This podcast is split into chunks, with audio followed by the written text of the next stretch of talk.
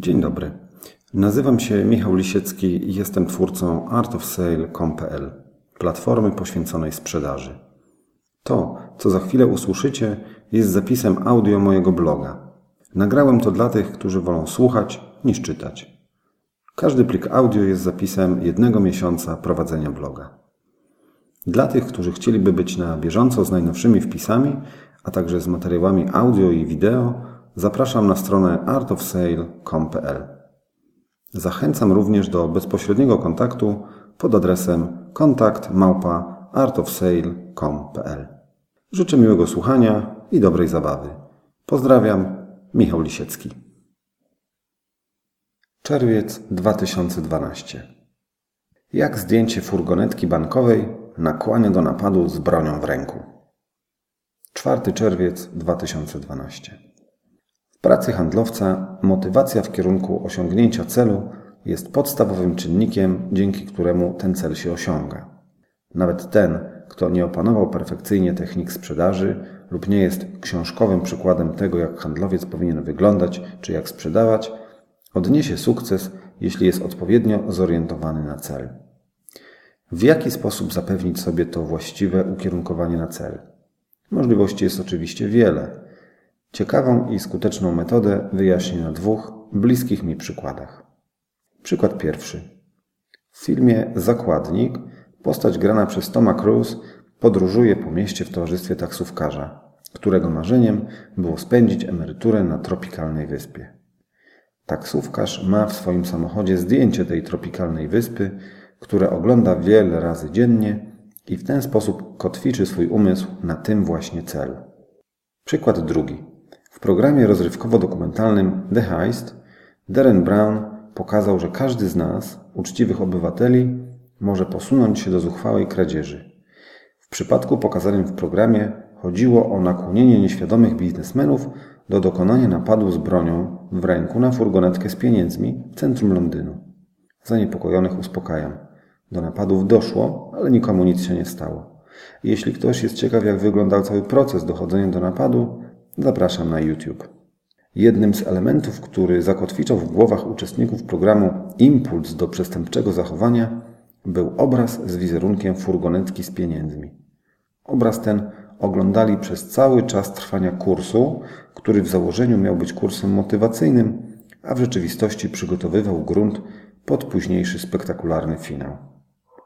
Wizerunek furgonetki nie pchał się nachalnie w oczy podczas trwania kursu. Po prostu wisiał sobie gdzieś z boku sali.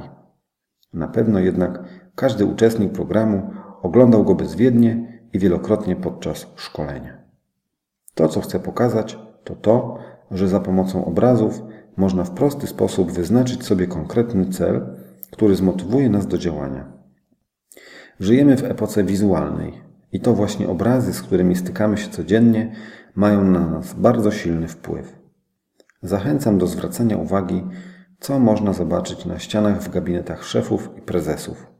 Jeśli wiszą tam zdjęcia przedstawiające alpinistów na szczycie Mount Everest lub żeglarzy jachtowych podczas regat, Ktoś, kto będzie spoglądał na te wizerunki codziennie, ma większą szansę na osiągnięcie sukcesu niż wielbiciel Edwarda Muncha, który powiesi sobie reprodukcję krzyku tego malarza. Jeśli jednak zauważycie na ścianie gabinetu zdjęcie furgonetki bankowej, upewnijcie się, czy nie bierzecie udziału w organizowanym właśnie napadzie na bank. Chcesz kiełbaskę z grilla? Zeskanuj sobie kod QR. 12 czerwiec 2012. Przeczytałem ostatnio ciekawy artykuł Piotra Krawca o kodach QR i o tym, w jaki sposób można za ich pomocą realizować sprzedaż.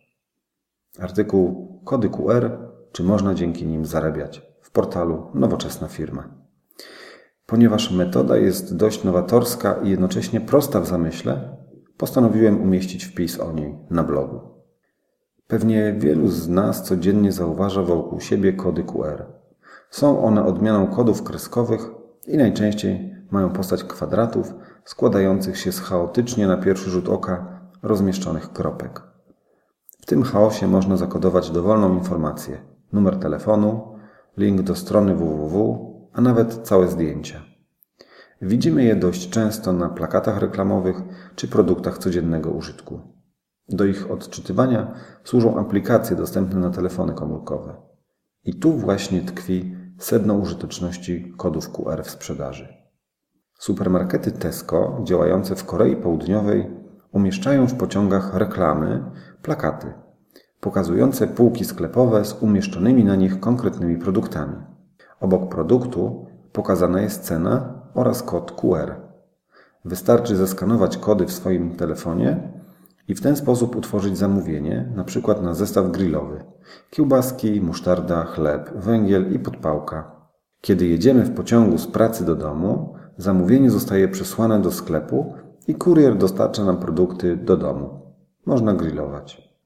Dane zebrane przez pomysłodawców tej metody sprzedaży wskazują, że ilość klientów w sieci wzrosła o 76%, a sprzedaż aż o 130%. Widać zatem, że metoda działania jest skuteczna.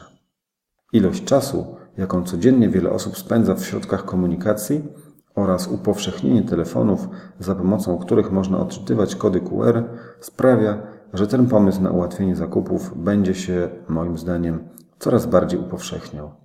Choć na razie działa to daleko od Polski, to sądzę, że wkrótce możemy spodziewać się pierwszych jaskółek QR, również i u nas. Wiele bowiem sklepów spożywczych ma już swoje oddziały internetowe.